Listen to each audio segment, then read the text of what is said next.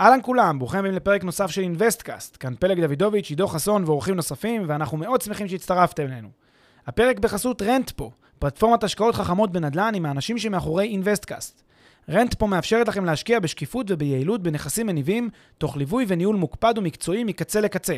היכנסו ל-rentpo.com, חפשו השקעה שמעניינת אתכם ותאמו איתנו פגישה דיגיטלית.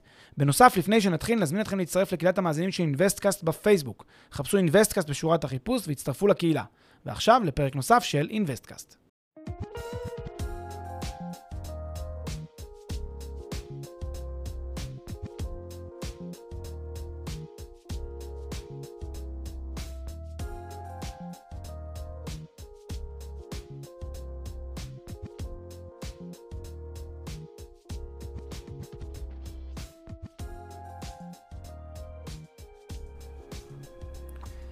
שלום לכולם, אנחנו בפרק 43 של InvestCast, והיום אנחנו ניכנס קצת יותר לעומק אה, לנושא שכבר הזכרנו אותו במסגרת הפודקאסט, אה, וליתר דיוק בפרק שעסק בשאלה איך מנתחים אה, השקעת נדל"ן, אה, והנושא הזה הוא חוזה השקעה. האמת היא שכבר אז בפרק ההוא אמרנו שנקדיש לנושא הזה פרק משל עצמו, ואנחנו עושים את זה א', כי יש הרבה מה לומר ואי אפשר לדחוף הכל לפרק אחד, וב', כי באמת אי אפשר להפריז אה, בחשיבות שלו. אז uh, במהלך הפרק הזה אנחנו נדבר על המשמעות של הסכמי ההשקעה, uh, על איך נכון לנתח אותם uh, ממש ברמה הפרקטית, uh, נדבר על נושאים uh, רגישים שאנחנו חייבים לשים לב, uh, מה אומרים הסעיפים הרלוונטיים בהסכם ההשקעה לגביהם, והדובדבן שבקצה, ולפחות בעיניי, יהיו סעיפים uh, אמיתיים, מחוזי השקעה אמיתיים שמציעים גופים שונים ממש בימים האלה בישראל, ככה כדי uh, להמחיש. אז פלג, אהלן. היי עידו, מה קורה? בסדר גמור. אה, בואו נתחיל אה, מהרקע, בואו כמה מילות פתיחה ונתביית אה, על מה בדיוק נדבר היום בראשי פרקים ככה, ו- ומשם נמשיך.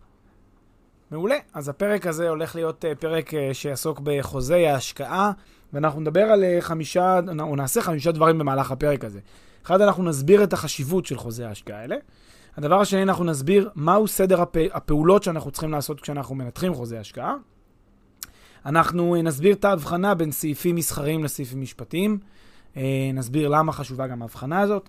אחר כך נציג דוגמה לטיפוסים של סעיפים או צורות מסוימות של סעיפים שכדאי להכיר אותם כפורמט. ובסוף, כמו שאמרת עידו, אנחנו ממש נעבור על סעיפים אמיתיים מתוך חוזים אמיתיים, חוזי השקעה אמיתיים. אה, הולך להיות מאוד מעניין, כי אנחנו הולכים אה, להראות כמה דברים גרוטסקיים לחלוטין מחוזים אמיתיים שקיימים, ונסביר למה זה גם כל כך מגוחך ו- ועל מה אנשים בעצם חותמים.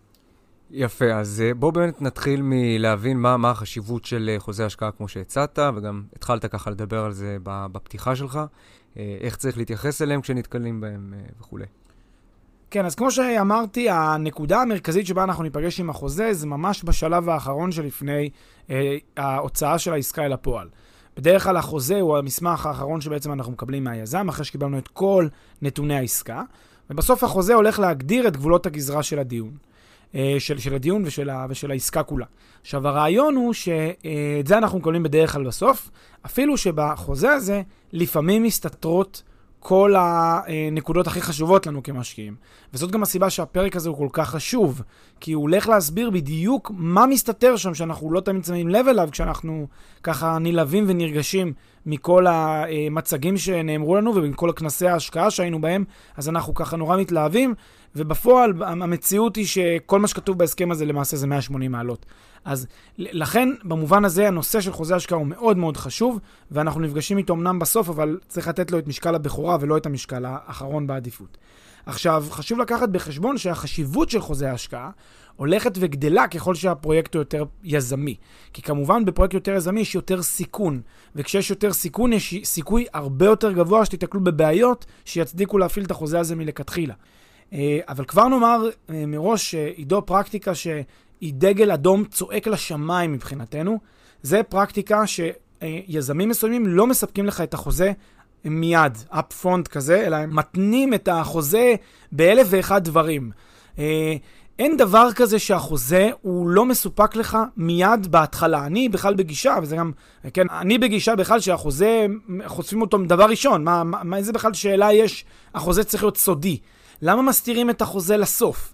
כי אה, ההנחה היא ברורה, כן, התשובה היא ברורה, שכשמסתירים את החוזה, כנראה שהחוזה לא מחמיא לי בתור המשווק. אז בגלל זה אני לא שם אותו מיידית. אבל במהות, החוזה הוא לב העניין. ולכן אה, קיימת חשיבות מאוד גדולה דווקא לא להסתיר את החוזה ולראות את החוזה בראש ובראשונה כדבר ראשון. בוודאי ובוודאי, כאלה שמתנים את החוזה בתשלום דמי רצינות, בתשלום דמי מקדמה, בהשתתפות בכנס שעולה כסף, שבכנס יחשפו את החוזה, זה no-go ענק. אני, אין שום סיכוי שאתה נכנס לעסקה כזאת. כמובן, אלא אם כן משכנעים אותי שיש איזושהי הצדקה מיוחדת לדבר הזה, לא יודע מה. יכולים להיות כל מיני סיבות מיוחדות, יוצאות דופן שזה יקרה, אבל כאופן uh, כמעט גורף, אני אגיד שלא להיכנס להשקעה שבה החוזה לא מסופק לכם מיד, דבר ראשון, לנגד העיניים, כי החוזה בסוף זה ההשקעה שלכם. Um, עכשיו, ד- דבר שהוא מאוד חשוב לקחת בחשבון, זה שיש uh, שני מצבים שבהם אתם עשויים להיתקל בחוזה הזה אחרי שחתמתם אותו. המצב הראשון הוא ביום הדין, כן, יום הדין זה שמשהו משתבש, יש דיפולט, הפרויקט עומד לקראת קריסה, ועכשיו צריך לפתוח את החוזה כי להתחיל אה, לבדוק מה עושים, נכון? זה המצב הבסיסי והטבעי. אבל הנה דבר שהוא, אתם לא לוק, תמיד לוקחים אותו בחשבון. החוזה הזה לא תמיד משתמשים בו רק ביום הדין, אלא משתמשים בו גם לפעמים כשיש כל מיני הפתעות, מה שנקרא בלת"מים, או דברים שקורים, דברים שלא ציפיתם שיקרו, פתאום איזה מין הפתעה כזאת, עז, שנכנסה לסיפור, פתאום אתם מגלים, נגיד, כל הזמן דיברו איתכם על זה שה... אה, לא יודע מה, הבניין, אה, שאתם הולכים לקנות את הקרקע שלו, אז את, אתם יודעים שיש אופציה. ופתאום אתם מגלים שבכלל אין אופציה, אלא יש איזה רק איזושהי זכות כללית, והם נכנסים לאופציה, להסכם אופציה רק בשבועות הקרובים. פתאום זה זמן טוב לפתוח את ההסכם, לראות מה כתוב בו. פתאום אתם תגלו שבהסכם לא, היה, לא נאמר שיש לכם באמת אופציה, אלא אופציה או זכות אחרת, ואו כל צורה שהיא של איזושהי אמירה בעל פה. ואז אתם מבינים שלמעשה זה מה שכבר חתמתם מלכתחילה. לכן הדברים האלה הם מאוד מאוד חשובים, זה לא רק ליום הדין, זה גם למקרים שבהם יש איזושהי, אה, איזושהי הפתעה שאתם מגלים אותה פתאום. ודווקא בהקשר הזה צריך להימנע מגישת היהיה בסדר הזאת של, אה, עזוב, אה, נהיה בסדר, לא, לא נצטרך את החוזה, לא נפעיל את החוזה, חוזה זה למשפטנים. הגישה הזאת היא גישה לא נכונה, היא גישה שגויה בהשקעות. הכסף הוא הכסף שלכם, אין דבר כזה יהיה בסדר.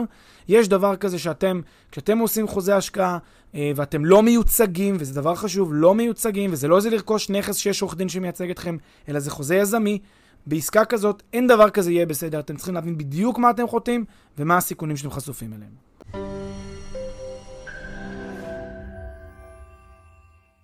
לפני שנמשיך, כמה שניות מזמנכם. הפרק בחסות Rentpo, פלטפורמת השקעות חכמות בנדל"ן עם האנשים שמאחורי InvestCast. Rentpo מאפשרת לכם להשקיע בשקיפות וביעילות בנכסים מניבים, תוך ליווי וניהול מוקפד ומקצועי מקצה לקצה. היכנסו ל-rentpo.com, חפשו השקעה שמעניינת אתכם ותאמו איתנו פגישה דיגיטלית.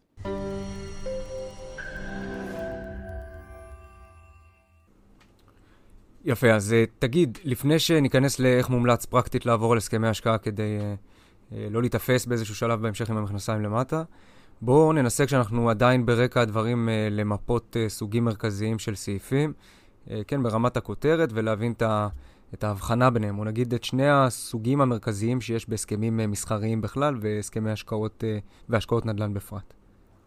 אז באמת. שני סוגים של סעיפים, בדרך כלל שמופיעים בחוזים, זה מה שמכונים הסעיפים המסחריים והסעיפים המשפטיים. מה זה סעיף uh, מסחרי? סעיף מסחרי זה תנאים מסחריים שיש בהסכם. Uh, בעצם ה, ה, כל מה שקשור ל...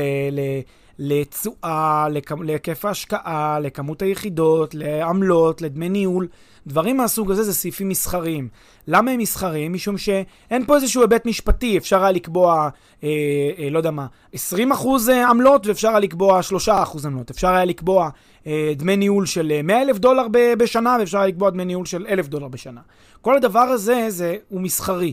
הוא לא עניין משפטי ואין פה איזשהו עניין של סיכונים או חשיפות, זה הכל שאלה האם אתם מוכנים לשלם את המחיר שמציעים לכם, האם אתם מוכנים לקחת את הסיכון שיש לכם תחת התשואה הזאת או לא מוכנים.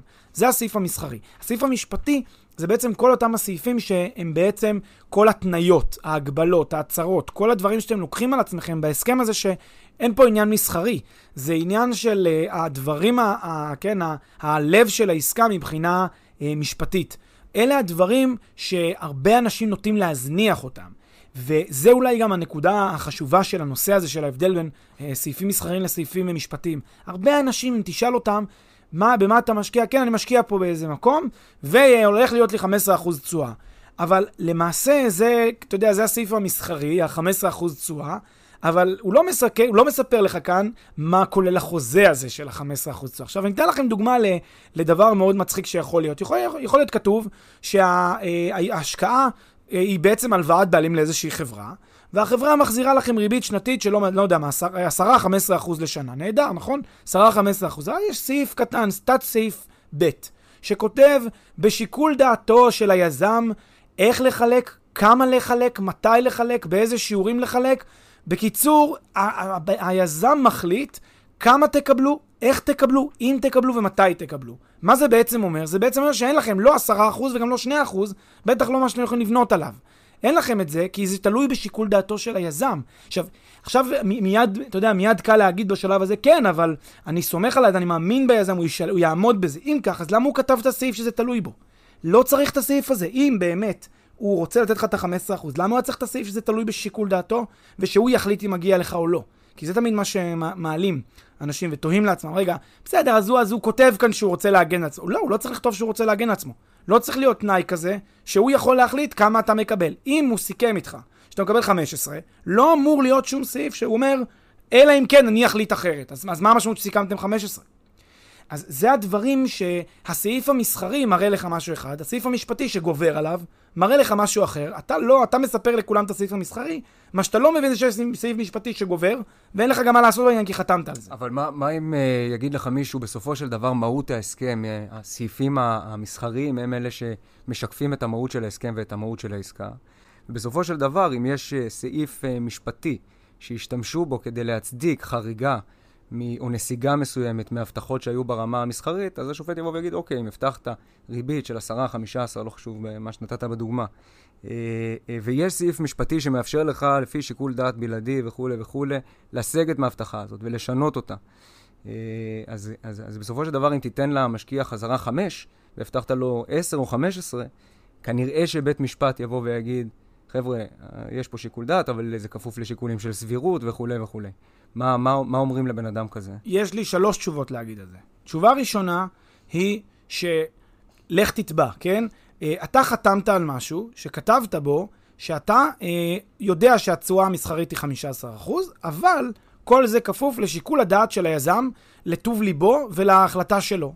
אז אתה בעצם באת ואישרת אה, במו ידיך, כן? בחתימת ידך, אישרת שאתה מוכן לא לקבל את ה-15%. עכשיו לך תתבע. אז א', אתה צריך לשכנע שופט.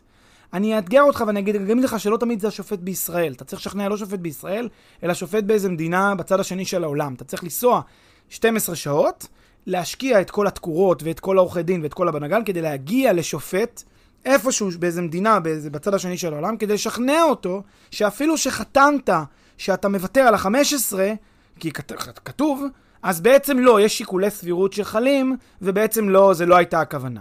אוקיי? דבר שני, אל תשכח, גם היזם יש לו עורכי דין. והעורכי הדין של היזם יבואו ויגידו לך, חביבי, אתה חתמת שאתה מוכן לוותר על ה-15 כי זה תלוי בשיקול דעתו של היזם. אז עכשיו לך תריב גם עם עורכי דין שהם לא פחות uh, טובים או לא פריירים, כן? מול עורכי הדין ש... שאתה תביא ותצטרך להשקיע את התקורות. זה גם קרב לא קל בכלל, הקרב הזה, שיהיה לך מול עורכי הדין של היזם. והדבר השלישי, וזה יותר חשוב, וזה באמת יותר חשוב, איפה ההוגנות והאינטגריטי? שאומרים לך בעסקה, בפגישה, תקשיב, זה התשואה שאנחנו חושבים על העסקה הזאת, זה מה שאנחנו מאמינים שאתה תקבל, זה מה שאתה, אה, אה, כן, אה, כן, בעסקה יזמית, זה לא, זה, זה, זה, זה, זה המהות פה, בעסקה יזמית. אנחנו הולכים על 15% ואתה תקבל 15% בכורה. אין דבר אחר, ופתאום אתה בא להסכם וכתוב שם הפוך, כתוב שם 15%, בכפוף לכך שאני אסכים לחלק לך את ה-15 או שלא יהיה סיבה אחרת. אז איפה אינטגריטי? זה כבר הדגל אדום שאמרו לה, למה להכניס את ה...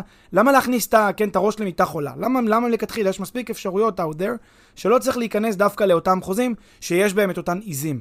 רק מה הבעיה, עידו? שהרבה אנשים לא קוראים בכלל את ההסכם, ואם הם קוראים, אז הם כזה, יאללה, יאללה, חפיף, חפיף, עוברים, יהיה בסדר. הסעיפים האלה מדלגים עליהם ולא נותנים להם את המשקל הנחוץ שמגיע להם.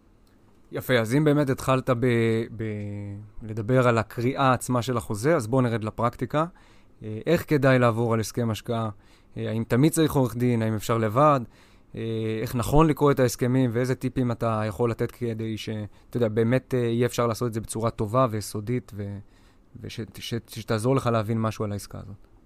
מצוין. אז עדיפות ראשונה היא אה, תמיד לעבוד עם עורך דין מטעמכם, שיעבור על ההסכם. עכשיו צריך לומר משהו מאוד פשוט. יש אה, אה, שני סוגים של עסקאות, העסקה המניבה והעסקה היזמית.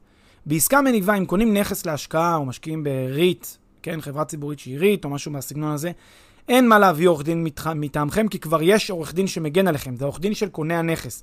ברגע שאתם נכנסתם לעסקה, נניח אה, אה, עסקת אה, ריט כזאת, אז, או עסקה שאתם קונים נכס בחו"ל, יש עורך דין שמייצג אתכם, הוא מטעמכם והוא דואג לאינטרסים שלכם.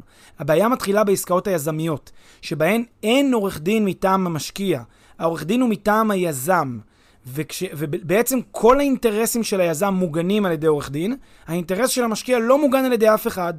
הוא צריך להפעיל את שיקול הדעת שלו ולהחליט אם להיכנס או לא. עכשיו, רובם נסחפים אחרי, ה, אחרי הסיפור ה, היזמי השיווקי, מבלי להיכנס לשאלות המשפטיות שמתעוררות בהסכם הזה, עכשיו, או בעסקה הזאת. עכשיו, אפשר להביא עורך דין מטעמכם, זה עולה כסף. צריך להשקיע ולשלם על עורך דין שיקרא ויעבור וייתן לכם אור ירוק או אור אדום. זה אפשרות ראשונה. אבל מה שאנחנו נעשה עכשיו, אנחנו גם נסביר מה לעשות אם אתם לא מביאים עורך דין מטעמכם, ואתם רוצים לחסוך מה שנקרא את העלויות האלה. אבל שימו לב, זה עבודה. זה לא אה, יהיה כל כך פשוט, זה עבודה. אבל מה שבטוח, אי אפשר לא זה ולא זה. אז בואו נסביר מה אתם צריכים בעצם לבדוק, בהנחה שאין עורך דין מטעמכם שעובר על החוזה הזה. אז קודם כל, צריך לקרוא את כל החוזה. אה, לקרוא את כל החוזה זה, אה, בדרך כלל בפרויקטים יזמיים זה חוזים של 20-30 עמודים לחוזה, ואז יש נספחים. צריך לקרוא את כל החוזה, פלוס את כל הנספחים. אוקיי? עכשיו, הנספחים יכולים להיות שגם בנספחים, לפעמים אני, אני הייתי הרי עורך דין במשרד עורכי דין, לפעמים החוזה עצמו היה נראה סביר, אבל עורכי דין יודעים מה הם עושים מהצד השני, כן? יודעים מה הם עושים. הם שותלים את כל הסעיפים הבעייתיים דווקא באיזה נספח ט"ז כזה, שם אתה תמצא באיזשהו סטט סעיף כזה פתאום מנגנון, שכשאתה מסתכל עליו אתה אומר, רגע, כל המנגנון הזה בעצם מבטל את החישוב של התשואה, כמו שאמרו בחוזה העיקרי. החוזה העיקרי מפנה לנספח, כשאתה הולך לנספח אתה רואה בכלל התשואה היא תלויה בכל מיני פקטורים. זה סימן שאתם חייבים לקרוא גם את הנספחים, ולא רק את החוזה העיקרי. אז אתם חייבים לקרוא את כל החוזה ואת כל הנספחים. שימו לב שיש מה שנקרא קרנות ציבוריות. קרנות ציבוריות יש להן תשקיפים. תשקיפים זה 250-300 עמודים, לצערנו צריך לקרוא גם אותם, את כל העמודים שלהם. אה, יש המון סעיפים שמסתתרים אה, בתוך התשקיף עצמו, לאו דווקא בהסכם השותפות. אה, בכל מיני מסמכים נוספים שמסבירים לכם על מהות העסקה, אתם חותמים על זה. אז אתם בעצם צריכים לעשות קריאה מאוד מעמיקה של כל הדבר הזה. ואז בעצם אנחנו ממליצים לעבוד בעצם עם מרקרים, שיטה מאוד פשוטה, מרקרים או דגלונים, כן? אה, אה, לקחת מרקרים ולהתחיל לסמן. עכשיו, כל סעיף שאתם מבינים אותו ושנראה לכם ברור, דל... קראתם, הבנתם, דלגו לסעיף הבא. ברגע שאתם מגיעים לסעיף שיש איתו איזושהי בעיה, אנחנו ממליצים להתייחס אליו בשלוש רמות של בעייתיות. המרקר הראשון זה מרקר צהוב. ממרקרים את הסעיף הזה בצהוב, וההתייחסות לסעיף כזה זה בעצם go, כלומר זה לא no go, זה go, אין בעיה עם ההסכם, אבל זה משהו שאתם צריכים להתייחס אליו. באיזה מובן? נניח בעוד uh, כמה שבועות הולך להיות איזו החלטה שצריכים לקבל בחברה, בשותפות, משהו שהולך לקרות, אתם צריכים לזכור שיש את הסעיף הזה, כי זה סעיף אופרטיבי שאתם צריכים לקחת אותו בחשבון. למשל, איך עושים את קבלת החלטות, איך מתבצעת הזכויות על חלוקת רווחים, דברים מהסוג הזה. כל זה אתם צריכים לסמן בצהוב, כדי, כי זה סעיף מרכזי לתשומת לבכם. אבל הוא חשוב, כן? הוא, הוא, לסמן אותו כסעיף חשוב בצבע צהוב, אבל עדיין אתם יוצאים לדרך והעסקה היא go. אחר כך, אה, יש את המרקר הכתום, כן? מרקר כתום, אפשר להתייחס לזה כ-no-go, עד שלא יבוצע ברור לגבי מהות הסעיף. עכשיו, מה זה אומר אה, אה, ברור לגבי מהות הסעיף? אתם עושים איזשהו ברור, תכף נסביר איך, ואז יכולות להיות שתי אפשרויות. או שהמרקר הכתום הזה הופך למרקר צהוב, ואז זה משהו שאתם תזכרו לאבא כדבר שהוא חשוב בעסקה, או שהוא הופך למרקר אדום, ואז נסביר מה עושים במרקר אדום. עכשיו, לגבי המרקר הכתום הזה צריך לברר. מה זה אומר לברר? אנחנו ממליצים לעשות שני ברורים בעת ובעונה אחת. ברור ראשון, לפנות ליזם. להגיד ליזם, יזם יקר, אמרת בפגישות, בכנסים, בכל האירועים, אמרת משהו אחד, הנה אני רואה סעיף 180 מעלות. אמרת שהתשואה היא 15%, והנה אני רואה סעיף שכתוב, ואלא היזם יחליט הכל. אז בוא תסביר, נא הסברך לגבי הסעיף הזה. אז בעצם שואלים את היזם שייתן הסבר. Uh, במצב כזה, uh, לא מספיק ההסבר של היזם, כי היזם בטח ייתן איזשהו הסבר שהוא כבר חשב עליו מראש, או שייתן איזשהו הסבר. כמובן, הוא יכול גם להניח את דעתכם ההסבר, אז הוא לאו דווקא לא יניח את דעתכם. אבל מה שמאוד מומלץ בשלב הזה זה לעשות ברור עם אדם אובייקטיבי, צד שלישי. להגיד לו, הנה הסעיף שנתקלתי בו, מה דעתך על הסעיף הזה? להסביר לו חמש דקות את העסקה, להגיד לו, הנה הסעיף, ולהפנות אליו את השאלה. עכשיו אנחנו עושים משהו שהוא די, אה, אני חושב, פורץ דרך ודי מיוחד. אנחנו מזמינים את כל מי שמאזין, אה, אפשר לפנות בקבוצה, באינבסטקאסט שלנו, בפורום בפייסבוק, להגיד, הנה סעיף שנתקלתי בו, הנה הסעיפים, הנה ההסבר, אנא, הסבירו לי איך, איך כדאי, אנחנו נהיה צד אובייקטיבי לצורך העניין, ונדע להגיד לכם מה אנחנו חושבים שהסעיף הזה אומר, ואיך כדאי לתקוף אותו, כן, במרכאות, איך כדאי להתייחס אליו לסעיף הזה. אם בכלל, יכול להיות שנגיד לכם זה לגיטימי וסביר, או שזה לא לגיטימי וסביר, אבל אתם חייבים את הצד השלישי, כי לכם אין את המומחיות בלהבין מה הוא חורג מהנורמה ומה בתוך הנורמה. אז זה הדגל הכתום, אוקיי? עוברים לדגל האדום. הדגל האדום זה מבחינתכם no-go מוחלט, אלא אם הסעיף הזה יבוטל או יתוקן בצורה משמעותית. זאת אומרת, זה איזשהו סעיף שאתם לא מוכנים לקבל אותו אם הוא לא ישתנה. זה יכול להיות כל מיני סעיפים, למשל, דוגמה לסעיפים כאלה, אנחנו רואים הרבה פעמים כשאנשים אה, נכנסים לעסקה שוב יזמית, ואומרים להם, היקף הקרן שלכם אם נניח 100 אלף דולר, ואז כשהם באים בפועל, אה, החוזה, רואים את החוזה, פתאום כתוב שם, הסכום הוא 100 אלף דולר, היזם שומר לעצמו את הזכות לפנות למשקיעים ולדרוש שיחזרימו עוד כסף פנימה. זה no-go חזק שצועק לשמיים. אתה רוצה שאני אשקיע? נא תבטל את הסעיף הזה, כי אני לא מוכן להשקיע שאני לא יודע מה הסכום שתבקש. אולי תבקש ממני עוד מיליון דולר, הרי אני חתום על זה שאתה יכול לדרוש ממני, אז אני לא יכול אחר כך ללכת לצעוק, לא ידעתי, כי אני ידעתי סבירות, לא סבירות. אז אני לא מוכן לחתום על משהו שאני מראש יודע שאין לו הגבלה. אז, אה, אז, אז זה סעיף שהוא בגדר no-go, אני גם ארמוז ש-no-goים אדומים, דברים שהם מאוד מאוד מדאיגים, אני גם אפילו הייתי רואה את זה כבעיית אמינות מסוימת, בוודאי אם לא ידעתם.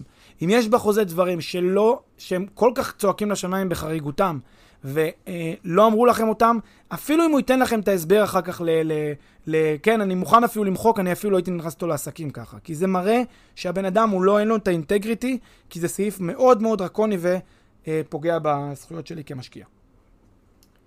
אוקיי, okay, אז uh, מיפית פה עכשיו uh, סעיפים לפי ארבע קטגוריות, סעיפים תקינים, uh, סעיפי uh, דגל צהוב, סעיפי דגל כתום וסעיפי דגל אדום. Uh, בואו נדבר על הסעיפים המעניינים יותר, נגיד כתום ומעלה. Uh, תן כמה טיפוסים של סעיפים שיש הסתברות לא נמוכה שיהיו בהסכם שלנו, למרות שהם נמצאים באחת משתי הקטגוריות הבעייתיות האלה. יפה, אז בעצם ה... ה... מתחילים להתקדם לעבר סעיפים שהם טיפוסיים, כן? כל מיני דברים שהם טיפוסיים, שאנחנו רואים אותם כאיזשהו עניין גנרי שחוזר על עצמו בהרבה הסכמים. אנחנו עדיין לא ממש נגיד מה, מה נוסח הסעיף, זה אנחנו נשאיר לסוף, זה הולך להיות הדובדבן שבקצפת, אבל בואו ניתן כמה גנרים, כמה דוגמאות למשהו גנרי. אז קודם כל, יש את, את כל הסעיפים שמכונים סעיפי שיקול הדעת הבלעדי.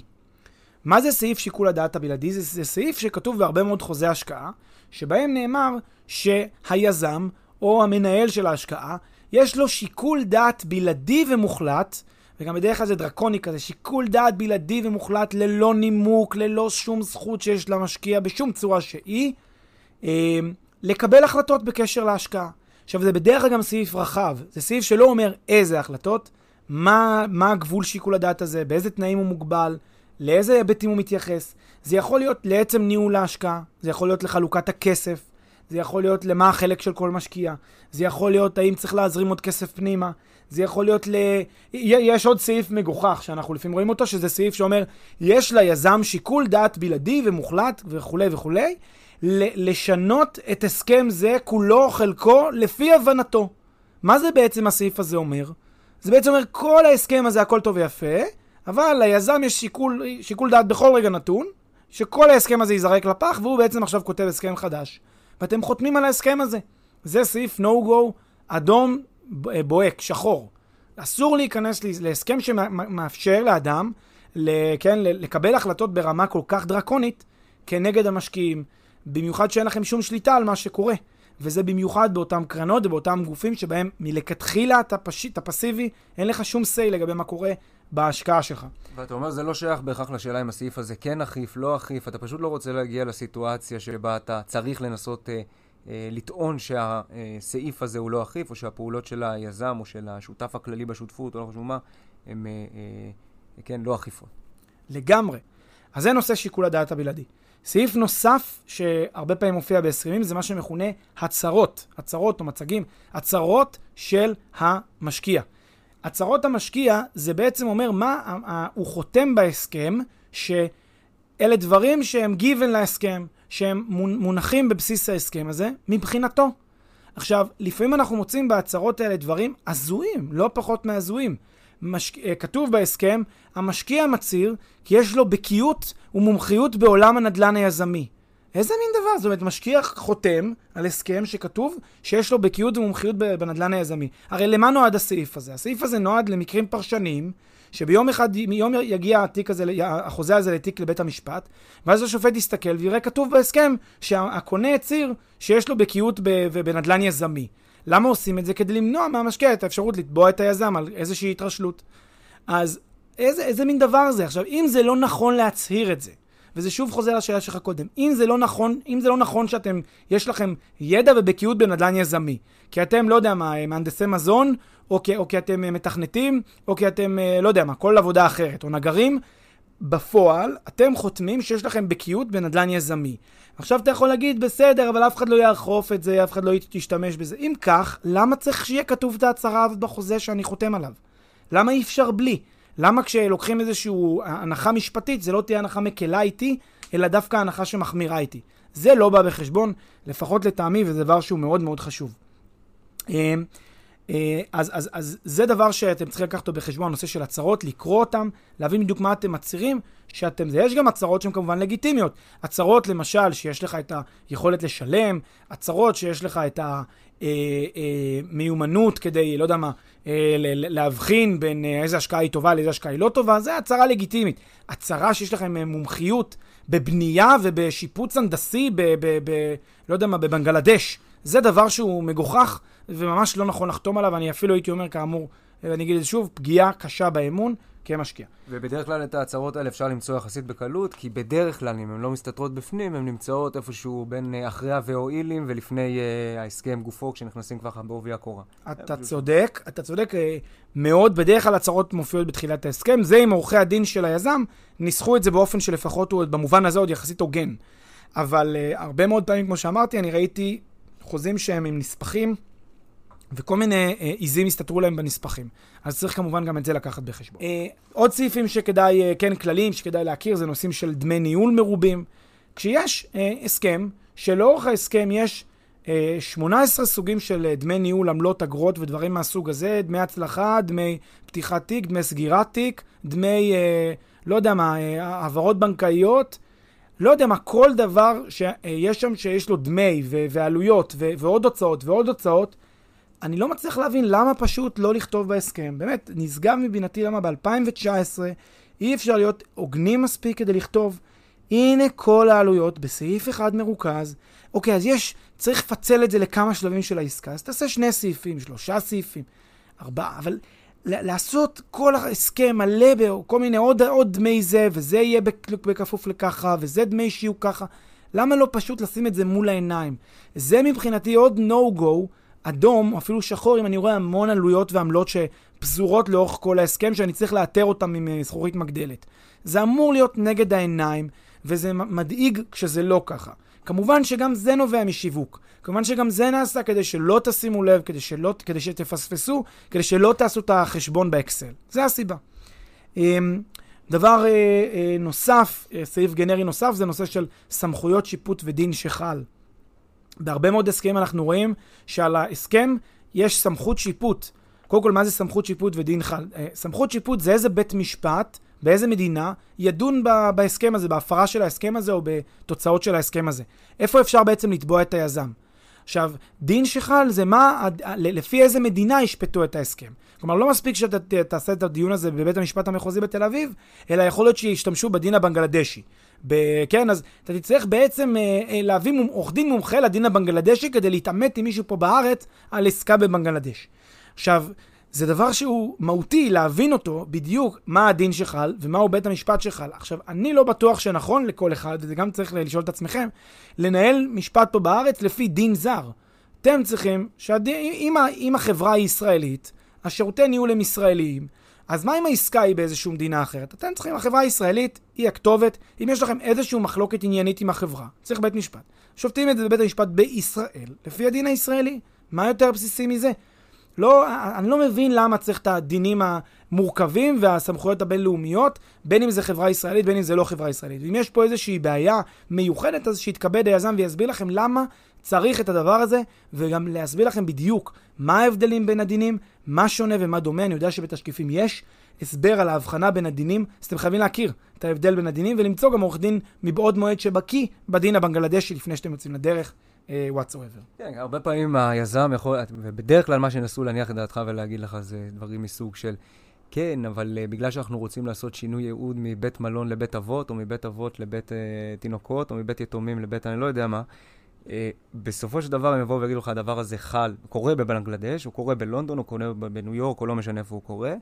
Uh, ובגלל הליכים תכנוניים מסוימים שקיימים במדינה המסוימת הזאת, אז אנחנו צריכים את uh, דיני התאגידים של דלוור, או דיני התכנון והבנייה של, uh, של אני לא יודע מה בירת בנגלדש. אבל, אבל uh, uh, כן, בגדול, הצדקות תמיד יהיה אפשר למצוא לזה, אבל בצד של המשקיע הכי נוח, הכי פשוט, הכי הגיוני, שכשיש התקשרות בין יזם ישראלי לבין משקיע ישראלי, שהסמכות השיפוט תהיה בישראל והדין שיחול יהיה הדין הישראלי, ו...